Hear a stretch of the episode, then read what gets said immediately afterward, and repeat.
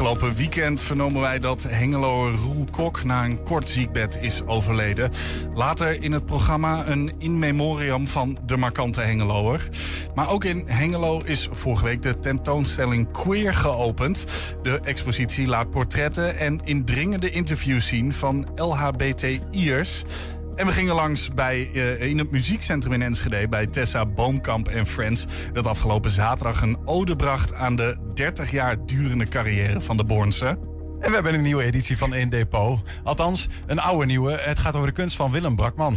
Het is maandag 2 oktober. Dit is 120 vandaag. 120. 120 vandaag.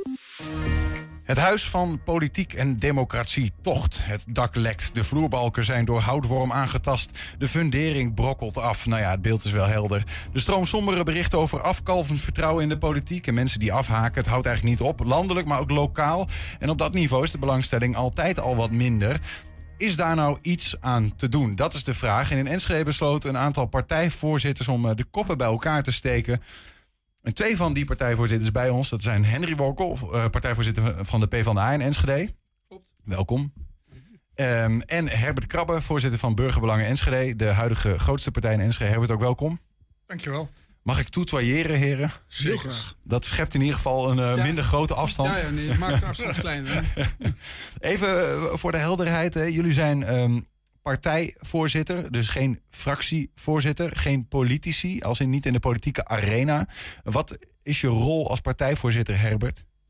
Nou, mijn rol is eigenlijk uh, uh, voorzitter van een vereniging. Wij zijn een vereniging die politiek bedrijft. En mijn rol als uh, voorzitter van de vereniging is om alle voorwaarden te scheppen om het politieke bedrijf zo goed mogelijk draaiende te houden. Dat is eigenlijk de doelstelling. Oké. Okay. Dus uh, ja, uh, je hebt een vereniging van mensen die zich met de politiek bezighouden? Nee, je hebt een vereniging van leden, zoals je ook een sportvereniging hebt. Ja. En van daaruit uh, bedrijven wij eigenlijk de politiek door middel van de fractie en eventueel de wethouders die dan geleverd mogen worden. Ja, ja. En wij creëren eigenlijk de voorwaarden samen met de leden om de fracties zo goed mogelijk te ondersteunen in de uitvoering van hun werk. Ja, precies. Maar zelf niet in de politieke arena. Absoluut niet. Uh, maar daar komen we straks nog wel op. Wat met name uh, Henry heeft geïnitieerd, is om te kijken of wij als voorzitters van de vereniging toch wat initiatieven kunnen ontplooien. Om te komen tot wat je net zei, het, uh, het vertrouwen terugwinnen in de politiek. Ja, Henry Workel, dat, dat, vlak voor de zomer was er een eerste overleg, geloof ik, hè? Ja, klopt. Van, van, vanuit waar? Want jij bent de initiatiefnemer, min of meer? Ja. Van waar? Vanuit, vanuit mezelf. Ik ben als voorzitter PvdA, heb ik op een gegeven moment kwam ik tot de conclusie dat ik, uh, ik wij doen zelf geen politiek als bestuur. En je merkt dus dat al die andere verenigingen, uh, die hebben ook hun eigen belangen. En iedereen heeft ook zijn eigen vereniging. En er was geen overlegstructuur tussen de, de, de voorzitters. Dus alle uh, verenigingen deden het allemaal voor zichzelf. En ik, ik denk dat je samen veel meer kracht hebt dan alleen. Dus ik heb gevraagd aan alle andere voorzitters van... Uh, is het een idee om bij elkaar te gaan zitten... en de verenigingen samen uh, bepaalde zaken te laten doen. Mm -hmm. Maar geen politiek. We gaan geen politiek bedrijven als voorzitters...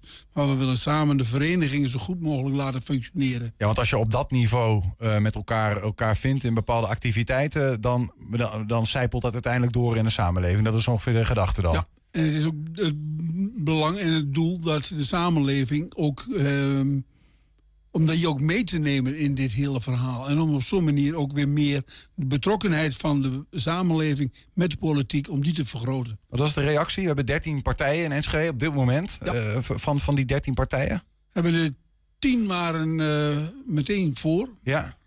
En drie hebben uh, niets van zich laten horen. Oké, okay, en dat zijn? Of vind je dat niet chic om dat te benoemen?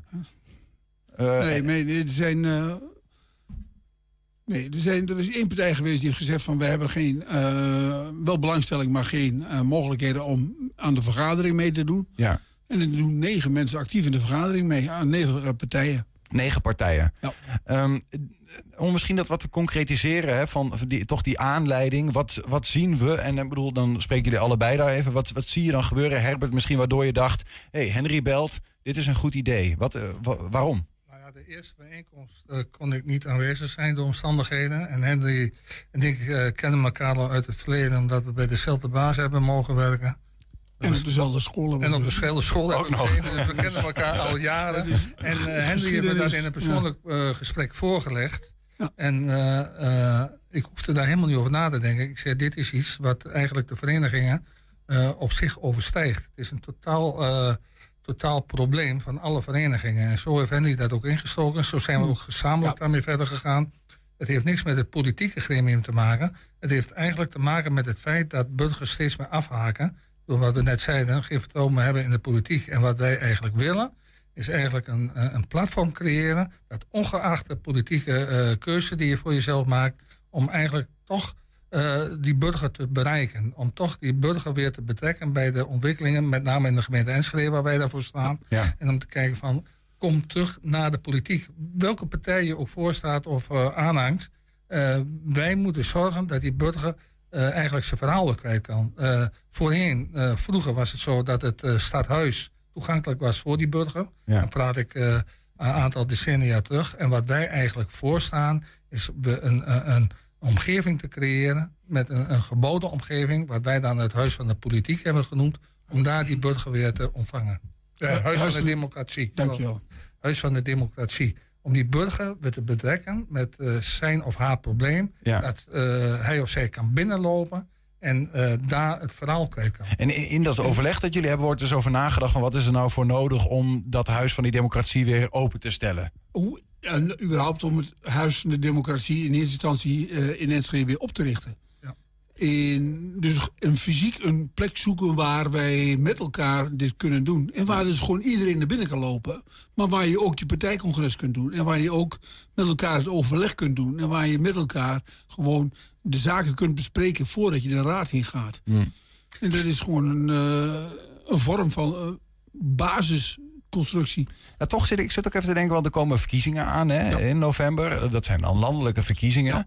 Maar het, lijkt toch best alsof daar best wel wat, dat er best wel wat broeit. Eh, als je zeg maar de, het nieuws erop naast staat. Het is best spannend. Uh, omzicht komt om de hoek kijken. Uh, onze vrienden van de boerenburgerbeweging, die, die zijn, worden misschien wel groot. Hè, verschuivingen. En, en de, de mensen zijn er toch wel van op de hoogte. Wat is dan precies die, die weg die jullie zien? De, wat je dus ziet is dat de politiek landelijk uh, is in beweging, klopt. Maar op het einde, bij, op het moment dat er gestemd moet worden... loopt de hoeveelheid stemmen loopt elke keer weer terug. En dat is natuurlijk doodzonde. En dat zie je ook in de, de lokale politiek. Ja. Het aantal mensen wordt minder, wat geïnteresseerd zijn. Het aantal leden van alle verenigingen wordt minder. En het aantal stemmen gaat naar beneden. En op zo'n manier ga, draai je met elkaar eigenlijk een klein beetje de democratie de duimschroeven aan. En dat is doodzonde, want je moet, de democratie betekent dat je met elkaar dingen overlegt. En dat je ook in elkaar, uh, ook in vertrouwen kunt meenemen in een overleg. En gewoon met elkaar een bepaalde beslissing kunt nemen. Ja, En die voor iedereen anders kan zijn. Maar ongeacht welke richting je denkt. En on, uh, daar komt bij dat, hoe vaak hoor je wel niet, waar je ook zit, of het nog feestjes en partijen zijn of waar dan ook ja, iemand vindt wel ergens wat van, maar er wordt vaak achteraan gezegd: ja, ik zeg er maar niks van, of ik vind er maar niks van, want men doet er toch niks mee. Hm. En dan ga je echt lokaal ga je denken. Hm. Je hebt heel veel lokale problemen, mensen vinden wat, maar weten niet waar ze daarmee naartoe moeten. En dat is één, daarom hebben wij gezegd: dan moet een centraal ontmoetingscentrum komen. Een ander ding is, en dat kunnen we ook rustig stellen, dat wij zijn eigenlijk verenigingen met een bepaalde professie. Maar als je kijkt hoe wij onze vergaderingen moeten houden, hoe wij onze bijeenkomsten moeten houden. Wij zijn afhankelijk van sportverenigingen of ook thuis uh, vergaderingen houden. Dus we hebben eigenlijk geen enkele politieke partij op zich heeft een onderkomen waar je zegt van hier kunnen we professioneel mensen ontvangen. Nee, dat gebeurt ook niet in, in, de, in het gemeentehuis. Nee, nee het gemeentehuis zou in principe toegankelijk moeten zijn voor burgers, uh, boerenburgers, buitenlui en voor de politici. Ja. Maar er is ook ooit een raadsvoorstel over geweest om dat open te stellen. Alleen het, het komt er niet van. Uh, het stadhuis wordt op dit moment door de ambtenaren gebruikt. En is voor de, voor de mensen niet, uh, is niet open. Ja. Ook voor ons niet. Voor ons dus niet. We hebben geen locatie, geen een van ons allen als politieke partij, een locatie waar we gewoon als vereniging vergadering kunnen houden. Neem alleen al bestuursvergaderingen. Ja. ja. die doe je in een onderkomen waar je eigenlijk ja, met alle, alle welbevinden van degene die, uh, die hun clubhuis ter beschikking stelt. Maar het is niet professioneel. Eh, helder, begrijp ik. Een locatie dus waar vergaderingen kunnen plaatsvinden, maar ook waar dus op een laagdrempeliger niveau uh, gewoon de Enschedeer naar binnen kan lopen en in contact kan komen met een politicus of een fractieondersteuner of whatever. de vraag kwijt kan. De vraag kwijt kan. Um, uh, dat is een, een speerpunt, dus hoor ik gewoon heel concreet. Is, wat, wat, wat ligt er nog meer? Is er al iets verder uit dat overleg gekomen? Wat wij in ieder geval wel willen is de mensen meer betrekken bij de politiek. Uh, wij zoeken ook, uh, en dat is natuurlijk ook een ding wat je uh, onderling met elkaar moet uitzoeken. Hoe kunnen wij de mensen op straat bereiken? Dus wat daar nog specifiek van, van komt, of dat nou echt op de markt moet, of dat nou een, een, een vraaggesprek wordt in de vorm van een pubquiz-achtig iets, of een, een wat we in Engeland willen zien. Het, uh, de Engelse vorm van politiek. Maar dan de, de raadsleden op de tribune en de burgers in de discussieruimte. Mm ja. Uh, dat zijn dingen waar wij met elkaar nog in uh, over aan nadenken. Maar het klinkt, het klinkt een beetje als uh, wat wij ooit kenden als het Enschede-akkoord, waarvan niemand precies meer weet wat de status ervan is. De, Henry, ik begreep dat, dat je van het Enschede-akkoord eerder nog niet per se gehoord had zelfs. Oh, dat is. Mm, ik weet niet wie, van wie je dat hebt gehoord, maar ik kende het Enschede-akkoord wel. Oké, dat wel. Nee, ik dacht. Ja, niet. Ja, Herbert niet? In alle eerlijkheid. Nee, maar goed, het Enschede-akkoord misschien goed om dat even te, te duiden. Um, er was uh, ooit eenzelfde soort geluid, hè, die politiek en die inwoner dichter bij elkaar brengen. En uh, van alle partijen, dat waren er ook dertien, één, um, nou ja uh, een vertegenwoordiger dus nam deel in een commissie Enschede-akkoord. En die gingen de straat op met uh, enquêtes om te horen van mensen... wat speelt er nou in die stad? Nou, daar kwam een top 10 aan problemen uit. En vervolgens namen ze die problemen weer terug naar de tafel. Afval op nummer 1. En dan werd er gezegd, wat moeten we daar nou mee doen? En laten we nou eens over maatregelen gaan, gaan stemmen. En dat was dan per hoofd, dus niet of er een meerderheid of een minderheid is. Uh, best wel probeer ze ook apolitiek, hè, zoals het heet, aan te pakken.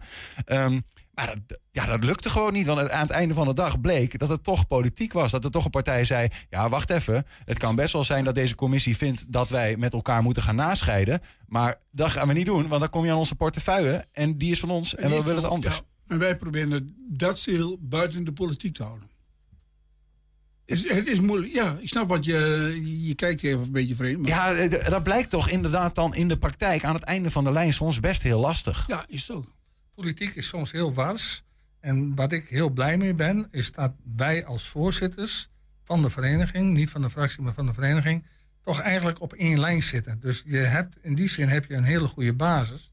En wij zijn ons er te degen van bewust, daar hadden we het net ook nog even over, dat we ook heel veel initiatieven naar onze eigen partij en onze eigen fractie moeten brengen, mhm. om dat zover te krijgen. Want je hebt een, een breed draagvlak gecreëerd in de vereniging. Maar nu moet je verder richting fractie. fractie dat, dat, is, dat is de uitdaging.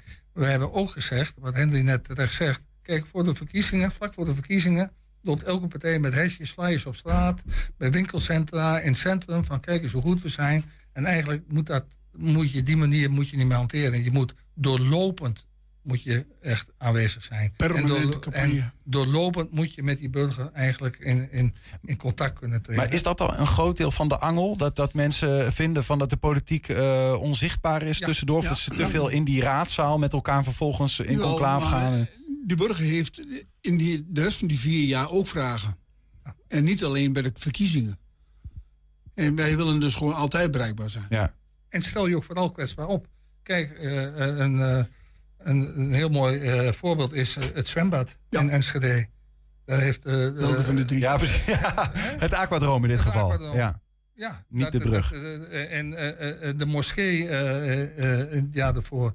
Dat zijn dingen die heel erg leven bij het publiek en bij de burger. Ja. En die ook leeft binnen de politiek. Alleen als je kijkt, waar is nou die synergie en waar zijn die contactmomenten geweest? Niet. Niet. Dus en... Ja, maar toch, er zijn toch wel, bedoel, onze, onze gelukkig, onze lokale democratie is nog wel zo ingericht dat het begint bij een voorstel vaak vanuit het college, het stadsbestuur, en dan gaat dat langs een aantal commissievergaderingen waarin inspraak mogelijk is van de inwoners, toch? Ja, dat klopt. Maar op papier. Of je hebt spreekrecht, mogelijk ja. in, in, in, in, de vergadering, in de, in de raadsvergadering. Maar ook daar zie je de mensen niet altijd. Hè? Dus, nee, maar goed, dus dan, nee, maar dan komt de vraag, want dan krijgen we een huis van democratie. En komt die, komt die inwoner daar wel? Interesseert het hem? Ja. Wij denken dat het wel gebeurt. En kijk, en wat een heel mooi uitgangspunt is, uh, uh, het 700 jaar bestaan van Enschede, ja, is, uh, is toch een jaar feest waar men vooral die burger bij wil betrekken. En dat heeft men nou op een hele goede manier geïnitieerd. En wij hebben gezegd, dat is een mooi moment om daarop aan te haken. Vandaar het doorgaan na dat 700 jaar bestaan. Mm -hmm. Te zorgen dat die, dat die betrokkenheid erbij blijft. Dat je die burger die nu betrokken is bij de ontwikkeling van die festiviteiten, dat je die straks ook bij je bent. Als vliegwiel vasthoudt. En dan daarmee de andere mensen ook weer interesseren voor de vragen en de dingen. En ik, het zou ook mooi zijn als je de fysieke ruimtes die voor het feest gebruikt worden, dat je die natuurlijk door kunt laten lopen voor de democratie. Ja. Ik, ik heb dus gehoord, een, een huis van democratie. Gewoon echt een fysieke ruimte, ja. Eh, laagdrempelig contact tussen uh, de politieke wereld en, en de Enschede'ers, zodat dat weer één wordt. Uh, twee is, de politici moeten de straat op, ook buiten campagnetijd. Ja. Um, zijn nog andere concrete dingen, gewoon even om ze vast te kunnen pakken? Het is niet alleen de politici die de straat op moeten, maar ook wij als partijen moeten elkaar op straat ook, gewoon ook kunnen bereiken. Je moet daar de mensen ook kunnen bereiken. Ja, ja. En het is niet alleen de politici die het moeten doen. En jullie, jullie praten over uh, dit soort uh, die ideeën komen naar voren in overleggen die jullie ja. als partijvoorzitters hebben. Hoe, hoe vaak kom je bij elkaar? Hoe ziet dat eruit? Om de drie maanden. Oké. Okay. En als het meer nodig zou zijn, dan is dat mogelijk. Kom ook ad hoc bij elkaar, kijk, als er dingen zijn. En, Kijk, we hoeven elkaar niet te overtuigen van uh, wat we willen. Het is veel meer de discussie, hoe, hoe gaan we het doen? Ja. En dat is wel heel prettig dat je eigenlijk de eerste stap al gehebt, gemaakt hebt dat uh, die tien partijen zeggen, wij staan daarachter. En uh, het is best wel wars, het is ook best wel moeilijk om het hoe op een goede manier in te vullen. Want je kunt het maar één keer goed doen. Ja, is dat zo? Ja, dat denk ik wel. Je kunt ook een keer vallen en opstaan? Moment, jawel, maar op het moment dat wij in gezamenlijkheid naar buiten treden, kan het niet zo zijn dat we naar buiten toe een, uh, een initiatief ontplooien, de burger de, probeer erbij te betrekken. En dan zeg je, ja, we stoppen toch even. Want uh, dit is niet de weg die we eigenlijk uh, hadden voorgestaan. Nee. Dan ben je de mensen voor altijd kwijt. Dan ben je kwijt. Je moet het op een goede manier doen. Ik heb nog een, een klein lijstje van, van, van dingen. Dat vind ik toch wel leuk om even tegen jullie aan te houden. Gewoon ja of nee, of je denkt dat dat bijdraagt aan die, aan die weg, zeg maar, tussen de politieke werkelijkheid en de inwoners. Of dat het juist mensen bij elkaar brengt. Dus een ja is in dit geval ja, het zorgt voor afstand. En nee is het zorgt niet voor afstand. Um, en dat eh, even om er snel doorheen te gaan. Ik ben wel benieuwd. Uh, eh, 13 partijen die allemaal hun plasje in het debat moeten doen, Herbert.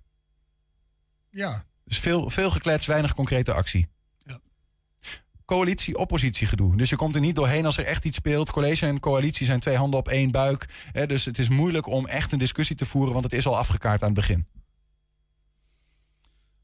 Oeh, grensgeval. Ja, ik, voor eerst zeg ik nee. Nee, geen gesloten bestuurscultuur dus in Enschede. Nee. Oké. Okay. Um, gebrek aan lef, niemand durft knopen door te hakken. Ja. Voorzichtig, ja. uh, ja. Ik pak er nog eentje uit, even kijken. Um, te ja, veel. Ja? Ik wil daar wel even op in. Ja, sorry. Ja, dat is wel een hele belangrijke vraag. Uh, ik denk dat uh, men heel veel bezig is met, uh, op het moment dat men een beslissing moet nemen, men te veel bezig is met het afbreukrisico. Kijk, in het bedrijfsleven is het zo, daar kan een keer een verkeerde beslissing worden genomen en dat kun je dan herstellen. In de politiek is dat wat moeilijker. Mm. En ik denk dat daarom ook het, de, wat men heel vaak zegt, de stroperigheid, ook een rol daarin speelt. Want er wordt heel veel afgewogen als ik die beslissing neem, wat zijn dan de consequenties of eventuele consequenties? En als ik het moet terugdraaien, wat dan? Want dat is ook een ander ding. Wat als beleid niet blijkt te werken? Exact. Heb ik het lef om het terug te draaien? Ja, exact. En dus hebben mijn ambtenaren ook het lef om dat toe te geven? Ja. En daar zit voor mij ook nog een, ja. een bottleneck. Ja. Want ik kan wel ja zeggen, maar als de ambtenarij nee zegt, dan ja, ik denk dat dat ook een grote, tenminste, ja, dat is mijn gevoel. Hè, ja. Maar dat, dat is, zie je natuurlijk wel eens gebeuren bij bepaalde projecten in de stad. Um, ja, eh, ik, ik heb er nog wel wat meer. Gewoon eentje dan. Uh, te veel, misschien wel samengepakt, te veel grote plannen of projecten. Uh, waar inwoner niet per se mee bezig is. noem Huiskamer van de Stad, de Kop van de Boulevard, de Spoorzone. Ik denk dat niet iedere inwoner daar alles van kan weten. Want daar is het te complex en te groot voor. Maar het is wel mooi om ze er toch bij te betrekken als men daar vragen over heeft. Ja. Maar het zijn hele grote, complexe verhalen waarvan ik denk dat ze wel moeten gebeuren. Dichterbij energievraagstuk. Ja. En om dat soort thema's gaat het ook waarschijnlijk dan in zo'n huis. Hè? de dingen die, die dichtbij voelen, afval, energie. Uh, daar zou je de deur over open willen In de discussie uh, grens, of uh, stadoverschrijdend, het ja. gebeuren. Trends, ja. wat, wat zich bezig wil houden met de energielevering.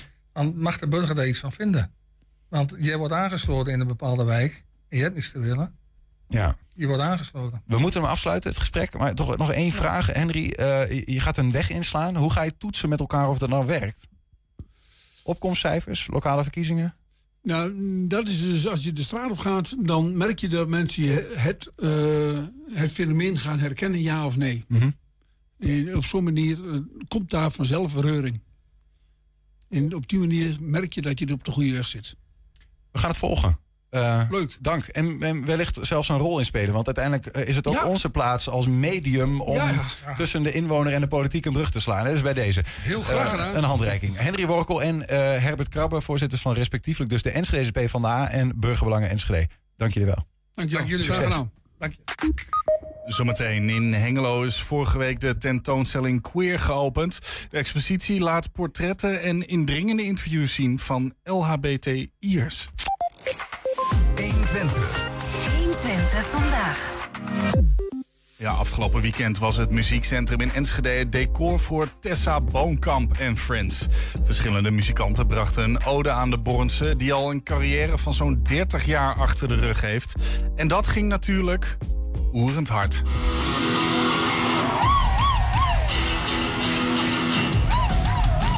Tessa, 30 jaar Tessa Boonkamp en Friends. Ja. Wat een, wat een, wat een eer. En wat een tijd ook, hè? Ja. Lang al. Ja, ja. ja ik uh, ben gevraagd uh, of ik er aan mee wou doen. En dat doe ik met plezier natuurlijk. Ja, we gaan een feestje maken met uh, een aantal artiesten waar ik in mijn leven mee gespeeld heb en een goede band heb. dus dat is een kwestie van bellen en ja, we komen, we doen mee. Uh, dus ik uh, word een beetje gevarieerd. Ik ga drummen en ik ga wat zingen.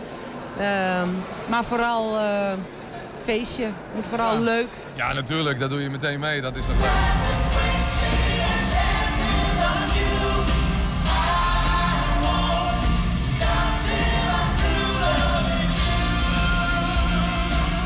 Het is inmiddels alweer 20 jaar geleden dat uh, ongeveer dat uh, Tessa uh, drummen was bij normaal.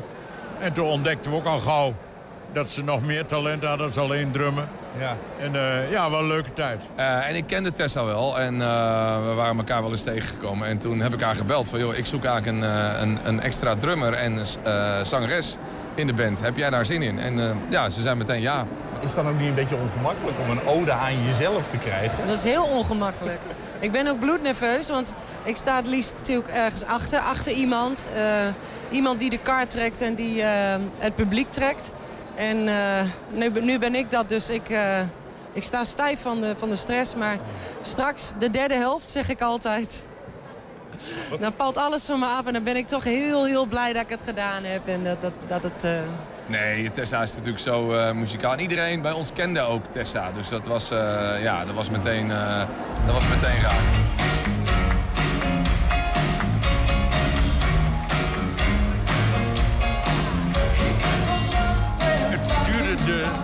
Ze ging drummen. Kun je met brusjes en een beetje jazzy en zo. En we hadden één zo'n soort jazzy nummer. Na drie seconden zei je bent aangenomen.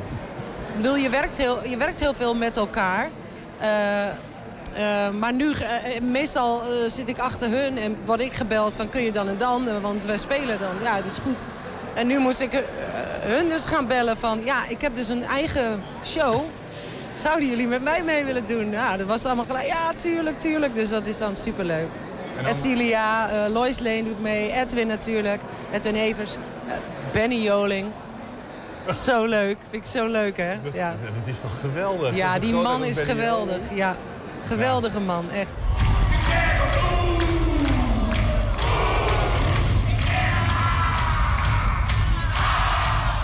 Ja, nee, met veel plezier, tuurlijk. Ja.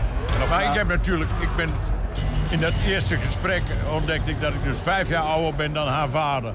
Dus het is een enorm generatieverschil.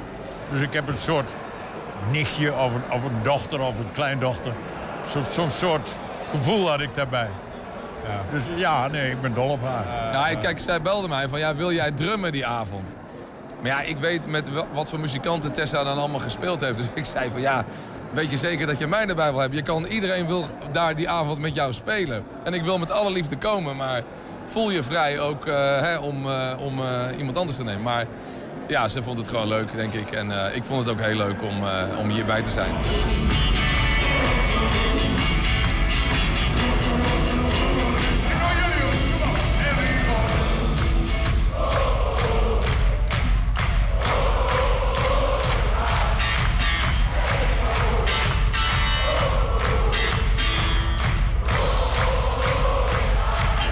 niet echt een jam sessie, maar ook weer wel. Het wordt een beetje luchtig, speels. Uh, maar toch uh, hebben we de hele dag gerepeteerd vandaag. Dus uh, er is wel het een en ander doorgenomen. Maar het hoeft allemaal niet zo, zo vast. En je moet ook geen enorme showbiz-trap voorstellen of vuurwerk of weet ik veel. Maar gewoon lekker met elkaar op een podium. Uh, leuke mensen. Iedereen moet lekker een drankje doen en een gezellige avond hebben. Dat is het eigenlijk. Ja, samenvatten van Tessa is... Uh, ja, ik weet niet wat je allemaal al hebt, maar Tessa is relaxed. Ze is... Uh, en ze, zo, het is eigenlijk geldt voor elke muzikant een beetje. ze spelen een beetje zoals hun karakter is. Tessa is, is rustig, is een beetje op de achtergrond altijd. En zo drumt ze ook. Gewoon relaxed, to the point, maar wel gewoon heel erg lekker. Ze speelt gewoon heel erg lekker.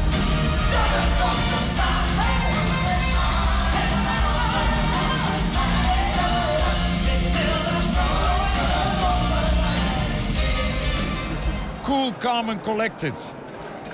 Oké, waarom? Ja, ze, ze, je maakt haar in het achterhoek, ze zet de kachel niet gauw aan. Ze, oh, ze doet het gewoon en... Ja. Ja, en ze is technisch heel goed. Heeft heel veel zelfvertrouwen. En uh, kun je dat? Ja hoor. En dan uh, over 20 jaar gewoon weer doen? Uh, Tessa ja. 50 jaar. Als, het, als, ik dan nog, als ik dan nog gezond en wel ben, dan graag. Nou, weet ik eigenlijk niet. Ik zeg de hele dag al, ik doe dit nooit weer, ik doe dit nooit weer. Dus misschien ook niet, nee. En dan als je vanavond in bed ligt, opgelucht? Ja, denk ik wel. Ja, ik denk het wel. Ik denk al, na, ik denk al bij het laatste nummer dat ik denk, oh, thank you. Het zit erop. Maar ik heb er ook zin in. Dat is het hele gekke. Maar het is ook gewoon spannend. Maar dat snap je wel, toch? Dat je, het, je moet het eerst nog doen.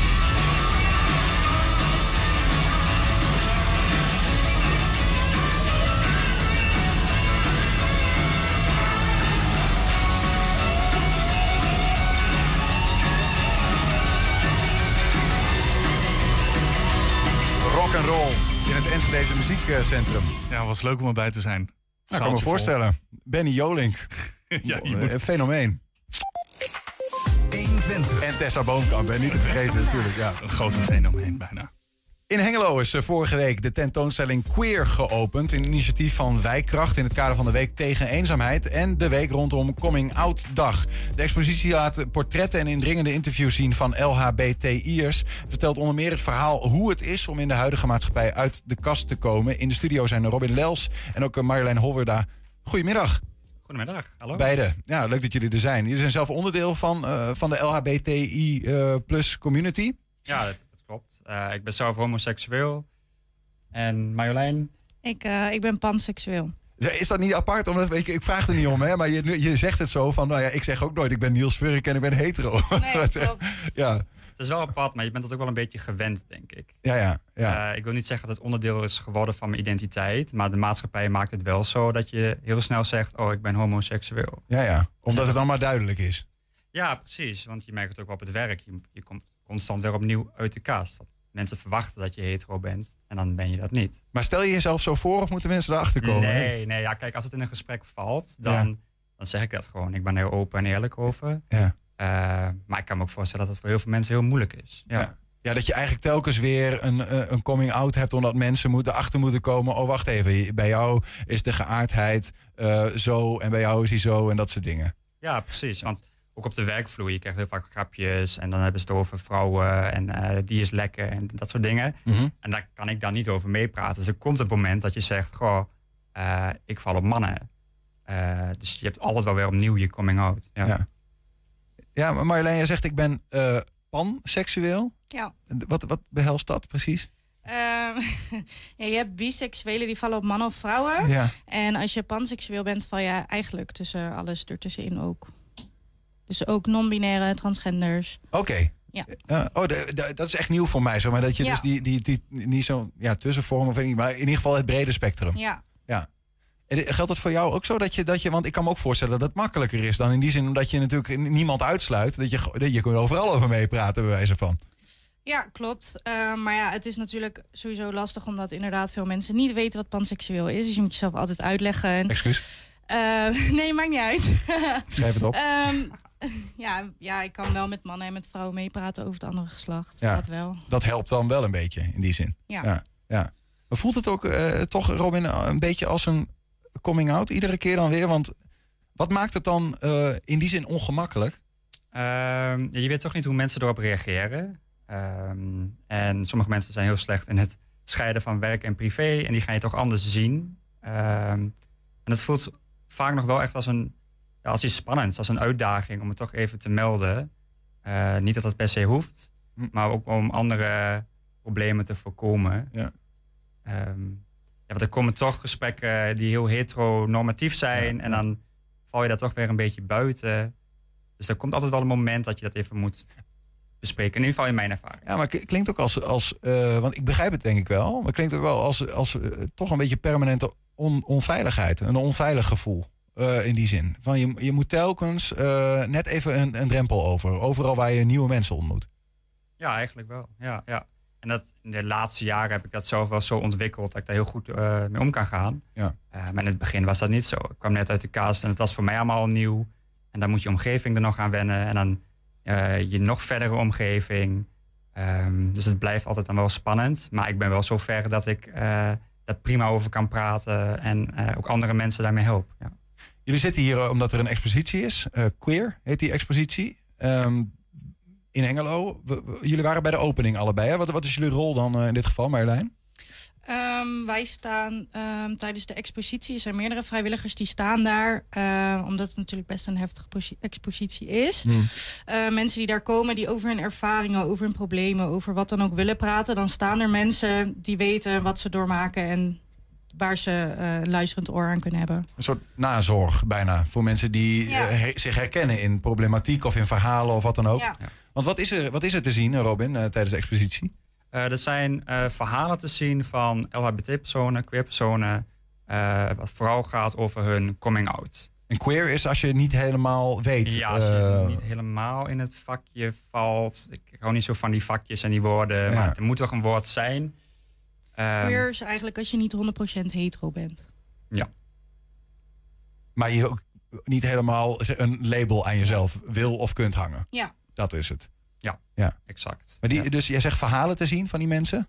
Ja, daar, daar hangen allemaal ehm, hele grote posters met personen erop en hun verhaal daarbij. En dat eh, varieert van eh verhalen over religie, dus hoe de omgeving in een religieuze gemeenschap daarmee omging, tot eh, transseksueel. ehm, eh, of hele, hele nuchtere verhalen ook van mensen die zeggen van ja, ik ben het en eh, deel er maar mee. Ja. Iedereen heeft een eigen verhaal daarin. Ja, en dat is wel heel indrukwekkend om, eh, om terug te zien. Om het dus ook voor mensen om herkenning te creëren, Marjolein, die op bezoek komen bijvoorbeeld. Ja, ja en ook voor, denk ik, eh, niet-queer mensen... dat ze een beetje gaan begrijpen wat het inhoudt.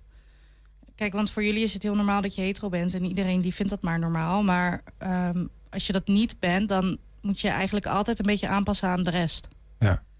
We hebben een stukje video van de opening. Even kijken hoe dat ging. Jammer dat we dit nog steeds met elkaar moeten benadrukken. Dat we nog steeds moeten hebben over dat we niet inclusief zijn met elkaar. En dat we nog steeds moeten hebben over eenzaamheid. Ehm, maar goed, dit, dit laat wel zien dat er ook aandacht is en aandacht moet zijn. Want we gaan iets onthullen. We gaan iets Maar ik onthullen. heb vier knijpers en ik wil eigenlijk wel iemand naar voren halen die ons gaat helpen. Nico, Ja. zou jij willen helpen? Ja. en Marliese. Ben je er klaar voor? 3, 2, 1.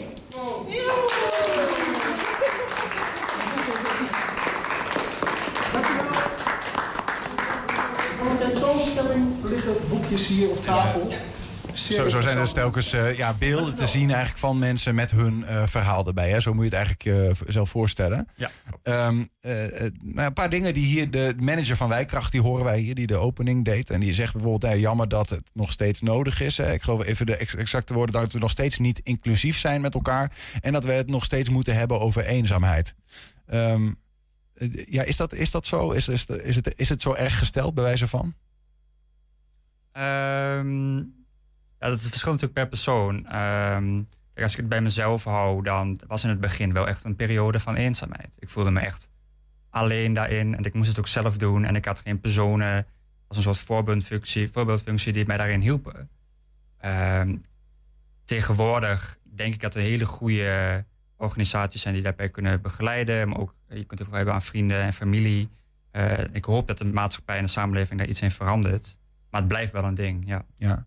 Ja, Marjolein, ik denk ook wel eens als het om dit thema gaat van hè, mensen zijn natuurlijk groepsdieren of zo. Dus je zoekt toch een beetje je, je eigen soort op, om het zo maar te zeggen. En dat geldt op allerlei vlakken. De voetballers met de voetballers en uh, de volleyballers met de volleyballers. Maar misschien ook wel als het gaat om geaardheid, want je herkent dingen in jezelf. Ja, dat maakt natuurlijk ook een beetje dat, dat die groepen altijd een beetje los van elkaar zullen blijven staan, toch? Is, eh, is dat, hoe, hoe kijk je daar tegenaan? Um, ja, ik kan wel van mezelf zeggen, ik heb wel een gemixte vriendengroep. Ik heb en hetero's en homo's. Um, maar ik ga zelf bijvoorbeeld als ik uitga vaak of naar Café Stonewall in Enschede, um, die echt gericht is op homo's. Mm -hmm. ja, of ik ga met mijn hetero vrienden naar technofeestjes, dat kan ook. Maar het, ja, het ligt er ook aan wat voor een persoon je bent, zelf denk ik. Ja. Ik merk wel dat ik makkelijker kan levelen met andere homo's. Maar de vraag is, weet je, welke problematiek ligt er nou onder? Hè? Dat, dat, dat, uh, want eenzaamheid is, een universeel probleem, uh, geldt voor iedereen. Maar ook die, het gevoel van misschien uh, niet geaccepteerd zijn, wat, wat ligt daar dan onder? Want ik heb soms in mijn omgeving het idee, maar ja, ik, ik, ik krijg niet te maken waar jullie mee te maken krijgen, maar dat er best wel ook wel acceptatie is in Nederland. Of zie ik dat verkeerd? Ik denk wel dat er steeds meer acceptatie is, maar ik denk ook wel dat heel veel terrein te winnen is. Uh, ik ga bijvoorbeeld ook heel graag naar de voetbal.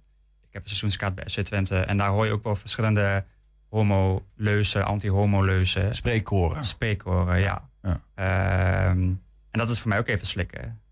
En... Ja, er wordt dan vaak, uh, waarschijnlijk iemand die dat doet, die zal dan zeggen: ja, maar dat is helemaal niet bedoeld tegen ja, homo's exact. en het is gewoon een, een, een geuzennaam of wat ja. dan ook. Maar het wordt wel gebruikt, gebruikt als scheldwoord. Dus er is wel terrein te winnen op dat gebied. En je wordt er constant mee geconfronteerd.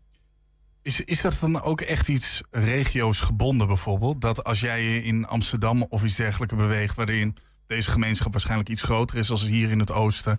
dat je dan makkelijker kan bewegen en makkelijker je ding kan doen? Ja, die vind ik heel lastig.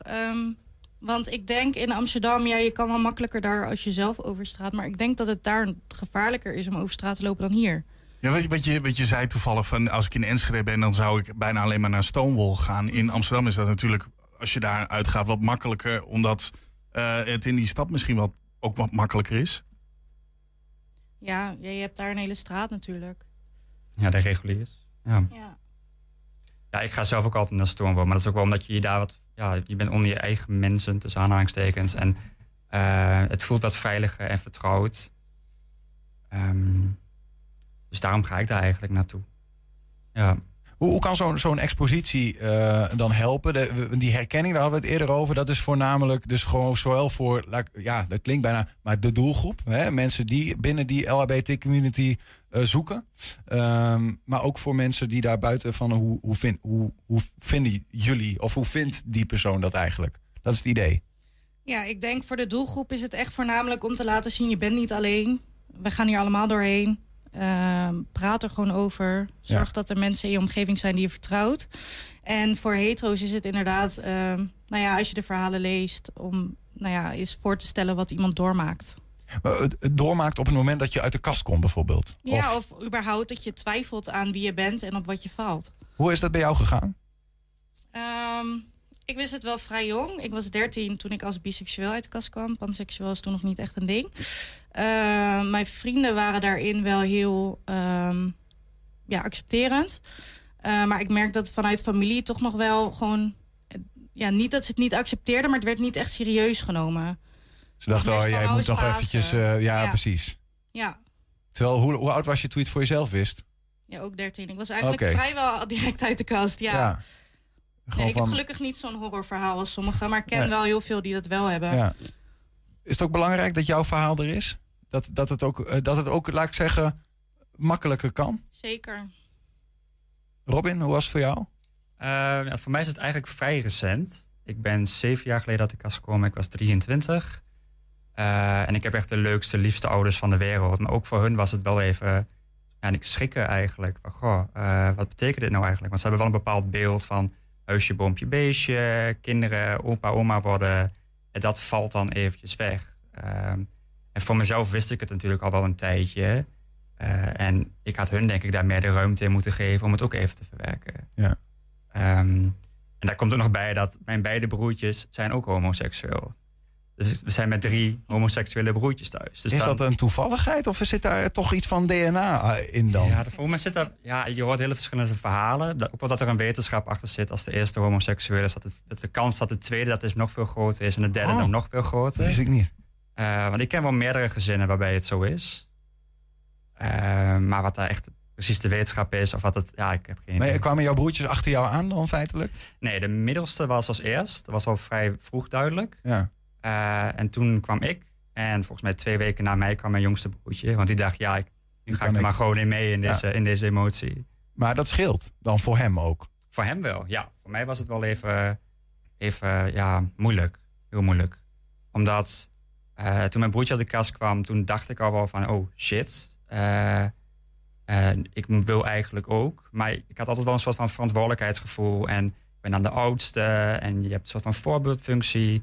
Ik stelde mezelf wel een aantal eisen op, wat niet realistisch is. Ja, ja. Uh, dus ik vond dat toen wel heel moeilijk, ja. Maar inmiddels, uh, ja, mijn ouders zijn geweldig. We waren afgelopen zaterdag, uh, was ik in een café Stonewall toevallig. En mijn ouders waren daar ook. Die gaan daar gewoon mee. En dat vinden ze heel, vinden ze heel leuk, ja. Um, we kunnen nog even wat beelden laten zien. Misschien is dat leuk voor even van de expositie zelf. Want we moeten het gesprek gaan afronden. Um, dan krijgen mensen in ieder geval een idee van wat er ongeveer te zien is. Um, en nou ja, ik, misschien dan een beetje om het af te sluiten, eh, Marjolein. waarom zouden mensen zeg maar, moeten gaan? Wat, welk verhaal heeft je geraakt of wat in de expositie maakt dat jij zegt, nou, hier doe ik graag aan mee? Um, nou, ik vind het sowieso heel mooi dat het zoveel verschillende verhalen zijn. En dat je echt goed kan zien dat het per, per persoon uh, anders is. En dat iedereen er anders mee omgaat. Ja, zoals jullie hier ook zitten met je eigen verhaal. Ja. Soms wat moeilijker, soms wat minder moeilijk. Ja. En voor al die mensen. En jullie zijn er zelf, in ieder geval, er zijn mensen om eh, ook uh, zelf nog vragen of dingen te, te beantwoorden. Ja. ja. zeker. Er is altijd een zorgprofessional aanwezig en een ervaringsdeskundige. Kijk, uh, waar is die te zien? In het Bergflow in Hengelo. In het Bergflow in Hengelo. Robin Lels. Lels, klopt. Lels ja. en uh, Marjolein Holwerda, dank jullie wel voor jullie openheid en uh, nou, voor de uitleg. En succes met de expositie. Ja, jullie dankjewel. bedankt. Ja, dankjewel. Zometeen een nieuwe editie van In Depot met vandaag aandacht voor de kunst van Willem Brakman. En zijn ook als podcast te vinden. 120. 120 vandaag. Ja, er mag geschoten worden, maar onder toezicht. En je moet je strikt houden aan de aanwijzingen van de instructeur. Oordeel op in en daar gaat hij dan. De open dag van de schietvereniging voor Enschede en Lonneker trok afgelopen zaterdag andermaal behoorlijk wat bezoekers.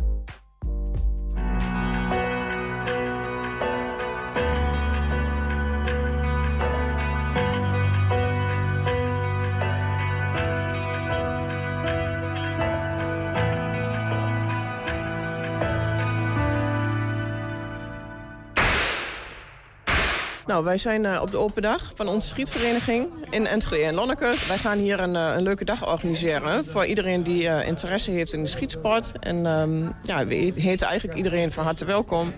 En willen graag laten zien wat de schietsport inhoudt voor ons. Um, schietsport is, als je dan naar, naar, mezelf kijkt, is een stukje concentratie. Een stukje uh, ja, rust geven aan het eind van een, bijvoorbeeld een dag. Als je zegt, van, ik ga even schieten, dan kan je geconcentreerd zijn met de sport die jij leuk vindt. Waarom staan we hier achter een lintje en beneden niet?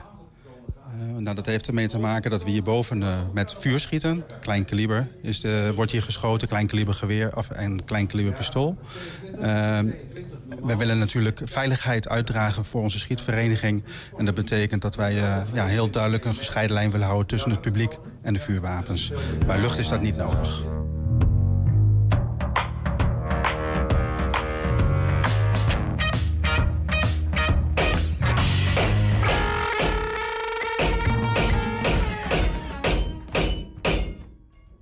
Ik denk wel dat er voor, uh, voor een groot gedeelte van het publiek ook een stukje ja, Toys for Boys achter zit.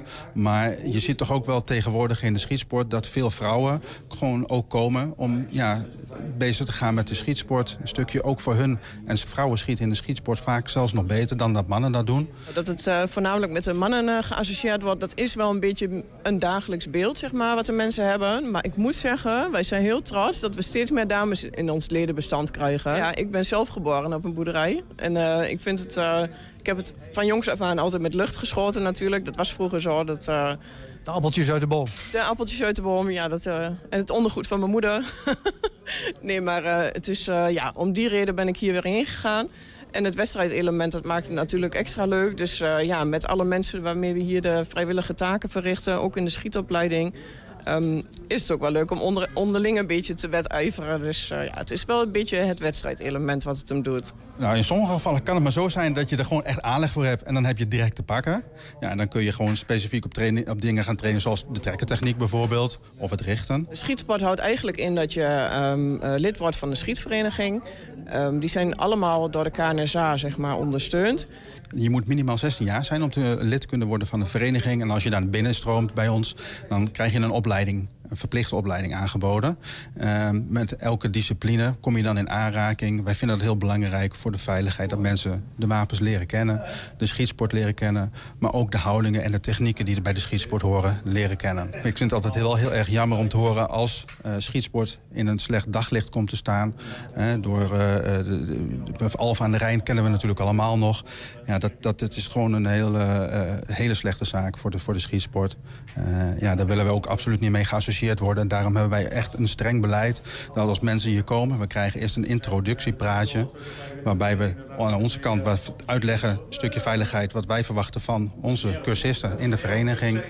Uh, en we proberen ook de mensen te vragen van, van wat motiveert je dan? Ik denk dat er een stukje sociale controle bij de vereniging ligt... wat heel belangrijk is om een stukje ja, te kijken van wat motiveert iemand om bij een schietvereniging te komen. Of het een drempel is voor nieuwe leden om hier lid te worden... dat de veiligheid uh, aangescherpt is in de afgelopen jaren, dat zou kunnen.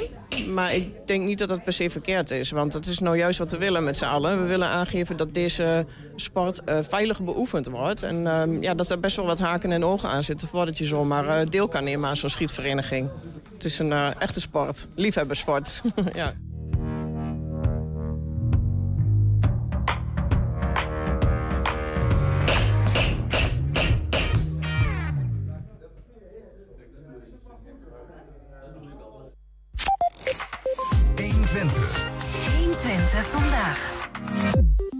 Ja, dan gisteren kwam ineens uh, daar het bericht dat Hengeloer Roel Kok na een ziekbed toch vrij plotseling is overleden. Hij was al geruime tijd ziek, maar het ging snel nadat hij twee weken geleden verlamd raakte doordat uh, de kanker in zijn wervelkolom zat. Uh, wij kennen hem als, een markante en uh, vooral ook een hele vriendelijke man. Ik, ik, heb hem zelf een aantal keer hier aan tafel gesproken en ook daarbuiten. Man van vele gezichten ook. Ik zeg even politicus, communicatieprofessional, uitgever, sportbestuurder, kunstliefhebber, radiomaker. Um, en nou het ondernam altijd van alles. Ik, ik, denk aan uh, bijvoorbeeld het uh, tapijt van Bayeux, maar dan de alternatieve versie. Dat is een ding dat in, in Frankrijk ergens te zien staat. En hij maakte een, een alternatieve versie met mensen met een beperking die nou ja, een replica maakten. En die exposeerde hij tijdens de Art Brut Biennale. Uh, hij is, was uitgever uiteraard. Hij liet boeken schrijven over de, het tuindorp het Lansing... waar hij zelf ook uh, inwoner van was. voetbalclub ATC, voorzitter van in Hengelo. Um, nou ja, al dat soort dingen. Maar een van zijn nou ja, toch wat bijzondere ideeën was de Zwebebaan. Um, hij kreeg de lachers op zijn hand toen hij jaren geleden... met het plan kwam van een zwevende trein tussen Plein Westermaat... en de Hengeloze binnenstad. Niet realistisch, luchtfietserij, technisch gezien onhaalbaar, zo zeiden mensen. Um, maar toen hij eerder dit jaar met tientallen tukkers richting Woepertal reisden om daar de zweebebaan te aanschouwen. Toen klonk er veel lof.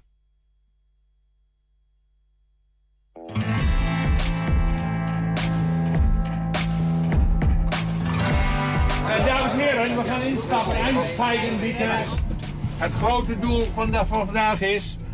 eenmaal im leven door woepertaal zweven. en dat gaan we vandaag met ons allen meemaken. We zijn compleet. We zijn met 34 passagiers met ons allen. En voor zover ik u nog niet welkom heb geheten... zeer hartelijk welkom in deze hele mooie bus.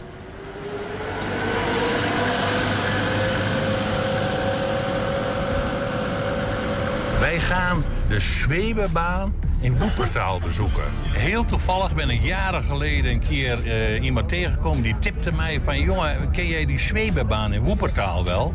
En uh, ja, ik zeg, waar heb je het over? Nou, hij zegt, ken je de Eiffeltoren? Ja, die ken ik natuurlijk. Daar heb ik wel eens ingeklommen. Maar de Zwebebaan... Hij zegt, als jij in de Zwebebaan geweest... dan heb jij het nooit meer over de Eiffeltoren. Dit is zo'n bijzonder wonder. Ik ben er inmiddels een keer geweest. En uh, ja, toen heb ik een keer een opmerking gemaakt in de raad. Dat, uh, hoe kan het dat op dat Westerplein dat Koopplein bij Hengelo, dat het daar overvol is met files op de A1. Terwijl in de binnenstad van Hengelo, daar zag je op dat moment geen hond rondlopen. Het liep helemaal leeg, winkels leeg, noem maar op. En toen op een gegeven moment uh, zei ik van... Ja, jongens, zullen we een zweefbaan aanleggen tussen die overvolle Westermaatplein en de binnenstad? Uh, kunnen we de mensen een mooi uh, ritje en dan dat is toeristisch, dat is mooi. Dan heb je de binnenstad ook meteen weer gevuld. Ja, iedereen lachen natuurlijk.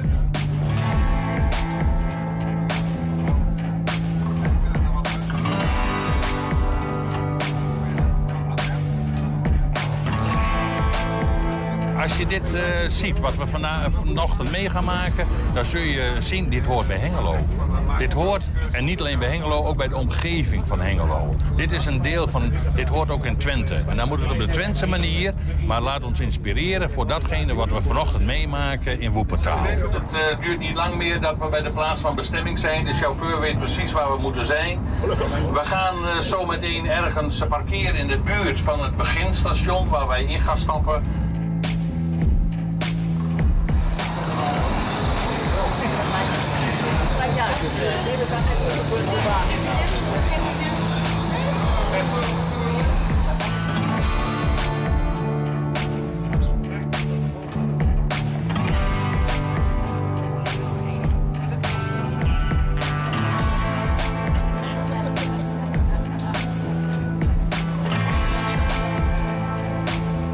Ja, we zijn met de gemeenteraden van Enschede en Hengelo bezig aan de spoorvisie.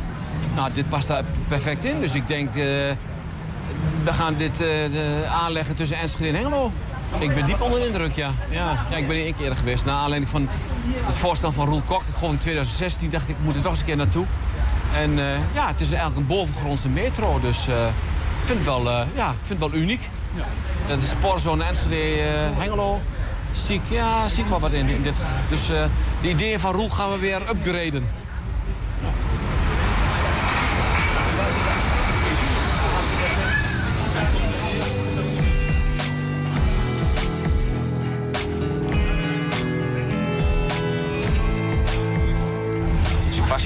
Dan is dit fantastisch. En wat valt jou het eerste op als uh, vakman? Dat ze vroeger fantastisch mooie dingen konden maken. Ooit de hand. En tegenwoordig moet allemaal alles van papier en computer. En dat is het mooie. Zou dit uh, voor onze regio interessant zijn? Jazeker. Maar daar is Rolf volgens mij ook al mee bezig. Maar zou het haalbaar zijn? Um, qua constructie, qua bouw, ja zeker wel. Maar goed, dan kom je natuurlijk ook wel in het volgende met een prijsje en zo. Dus, maar het is zeker haalbaar, ja. Maar het is fantastisch mooi om te maken, toch? Het is echt mooi.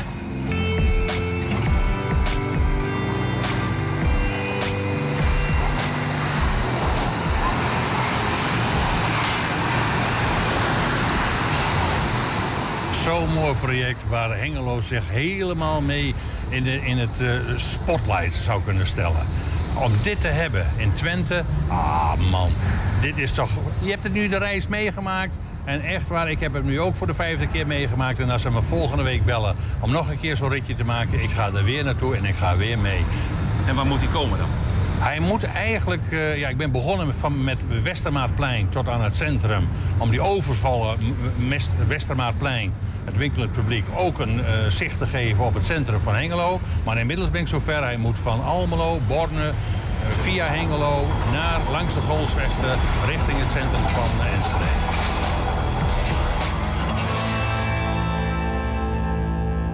Of die zwevenbaan er komt, eh, dat is eh, nog maar de vraag in Twente. Zeker is dat Roel Kok hem zelf vanuit hier in ieder geval eh, niet meer zal zien. Hij werd eh, 69 jaar. 120. 120 vandaag. In het depot van de Museumfabriek vandaag de kunst van Willem Brakman.